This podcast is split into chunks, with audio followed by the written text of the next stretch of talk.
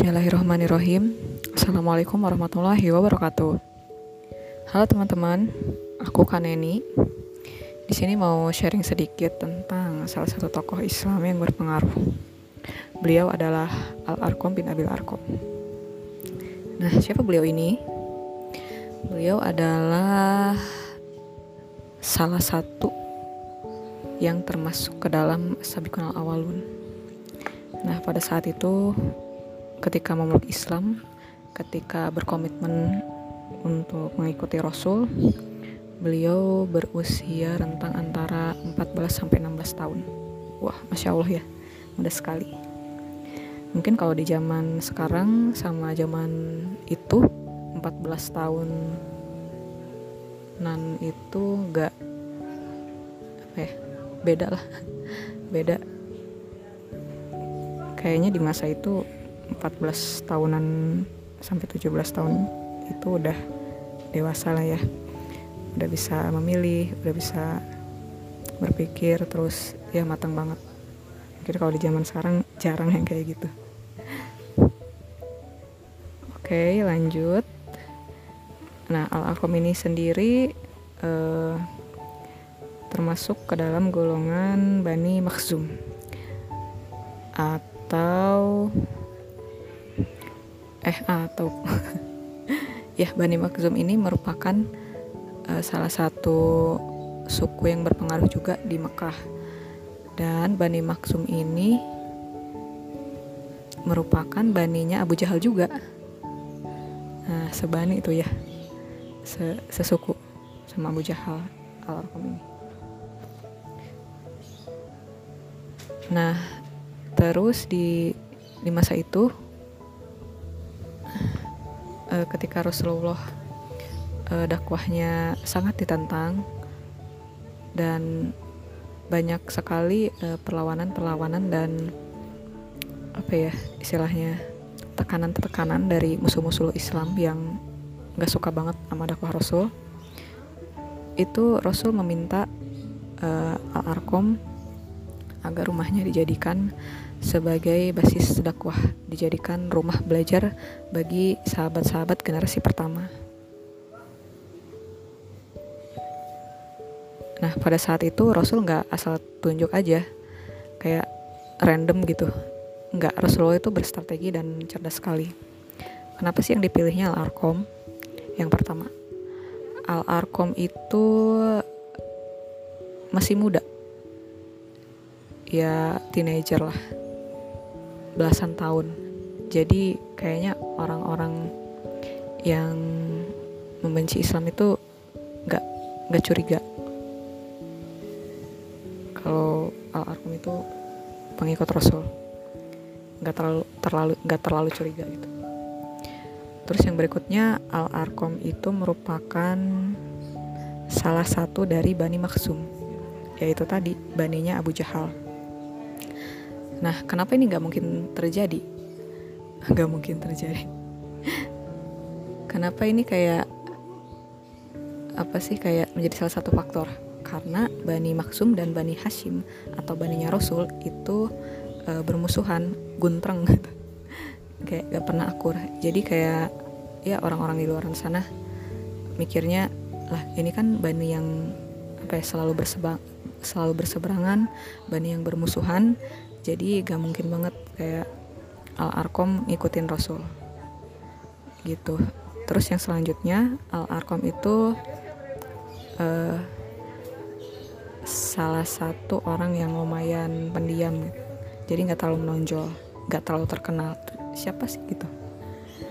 Nah terus yang berikutnya uh, apa sih? Coba aku lihat dulu ya. Ada empat nih Nah, Al-Arqam itu nggak pernah mengumumkan keislamannya di depan di depan umum. Ya, nggak pernah ini nggak pernah ngumumin keislamannya. Jadi ya agak banyak orang yang tahu. Gitu dan akhirnya Al-Arqam pun ya senang aja sih kalau rumahnya dijadikan sebagai basis dan memang lokasinya juga sangat strategis ya di di apa sih di sekitaran Bukit Sofa. Terus ya agak agak jauh gitu dari pusat kota Mekah.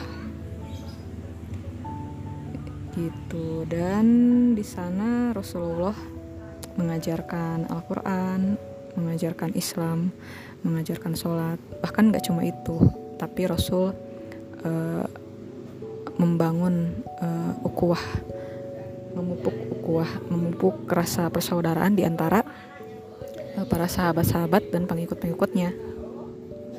Nah terus ini ada yang menarik nih. Uh, al arkom itu uh, disamain kayak Nabi Musa.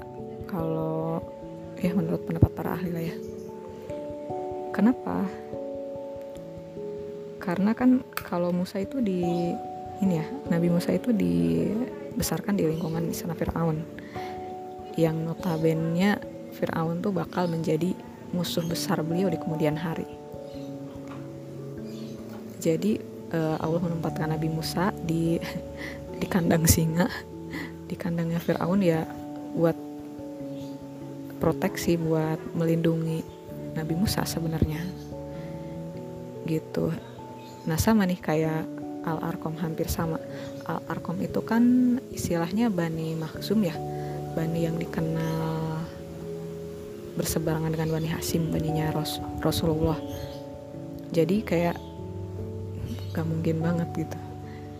Gak mungkin banget Rasul hmm, ya orang-orang tuh mikir gak mungkin banget Rasul tuh ada di rumah Al Arkom e, berlindung di balik Al Arkom itu.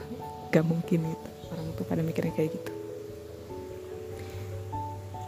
Gitu. Dan ini menarik Rasulullah melindungi dan membesarkan mengembangkan kemampuan para sahabat di rumah seorang pemuda yang berasal dari suku yang sama dengan Fir'aunnya kaum muslimin pada saat itu alias Abu Jahal. Gitu persamaannya teman-teman.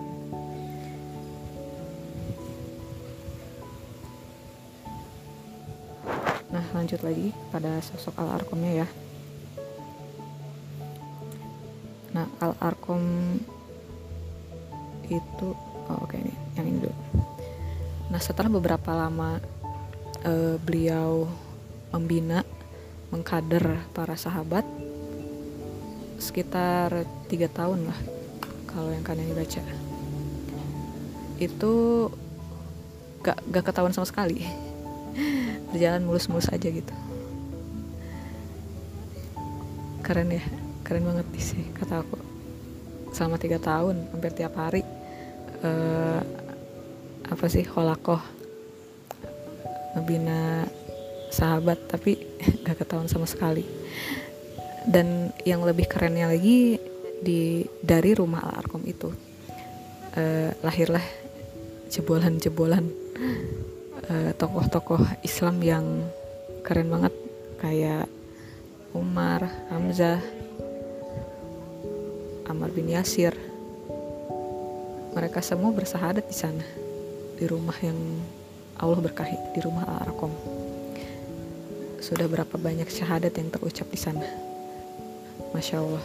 Dan bahkan Wahyu pun ya pernah turun di rumah Al-Arqam juga. Gitu.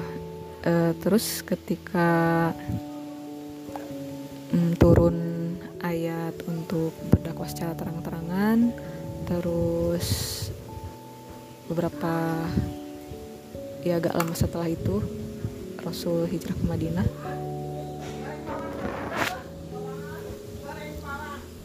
Al-Arqam juga ikut hijrah ke Madinah bersama dengan sahabat-sahabat nah di Madinah. Al-Arqam diberi rumah yang istimewa oleh Rasul karena kesetiaan dan kontribusinya terhadap Islam Beliau juga ketika di Madinah itu nggak pernah absen ikut perang. Beliau selalu ikut perang. Uh, beliau juga hidup di masa Khulafaur Rasyidin dan beliau meninggal di masa Muawiyah. Terus uh, beliau ada ini, ada apa ya? Ada wasiat lah. Jadi sebelum meninggal Al Arkom pengen disolatin sama Sa'ad bin Abi Waqqas dan itu terlaksana. Bahkan seorang pejuang yang diam di belakang bisa jadi sangat penting di antara sahabat Rasul. Nah, jadi teman-teman di sini uh, cobalah temukan kelebihan teman-teman. Kalau misalkan teman-teman gak bisa menemukan itu, coba teman-teman tanya ayah bunda, guru atau sahabat dekat teman-teman apa sih kelebihan teman-teman gitu. Nah nanti kelebihan teman-teman itu bisa teman-teman pakai untuk berkontribusi di Islam. Seperti halnya Al Arqam bin Abil Arqam beliau punya privilege beliau punya pengaruh.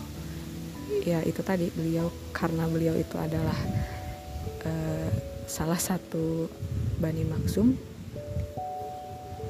ya beliau menggunakannya sebagai apa ya, jalan untuk mensupport Rasulullah Shallallahu Alaihi Wasallam. Dan juga beliau kan punya harta ya. Hartanya itu ya rumahnya itu. Yang sebenarnya adalah warisan dari ayahnya. Untuk dijadikan madrasah untuk dijadikan tempat kholakoh uh, Rasulullah dan para sahabat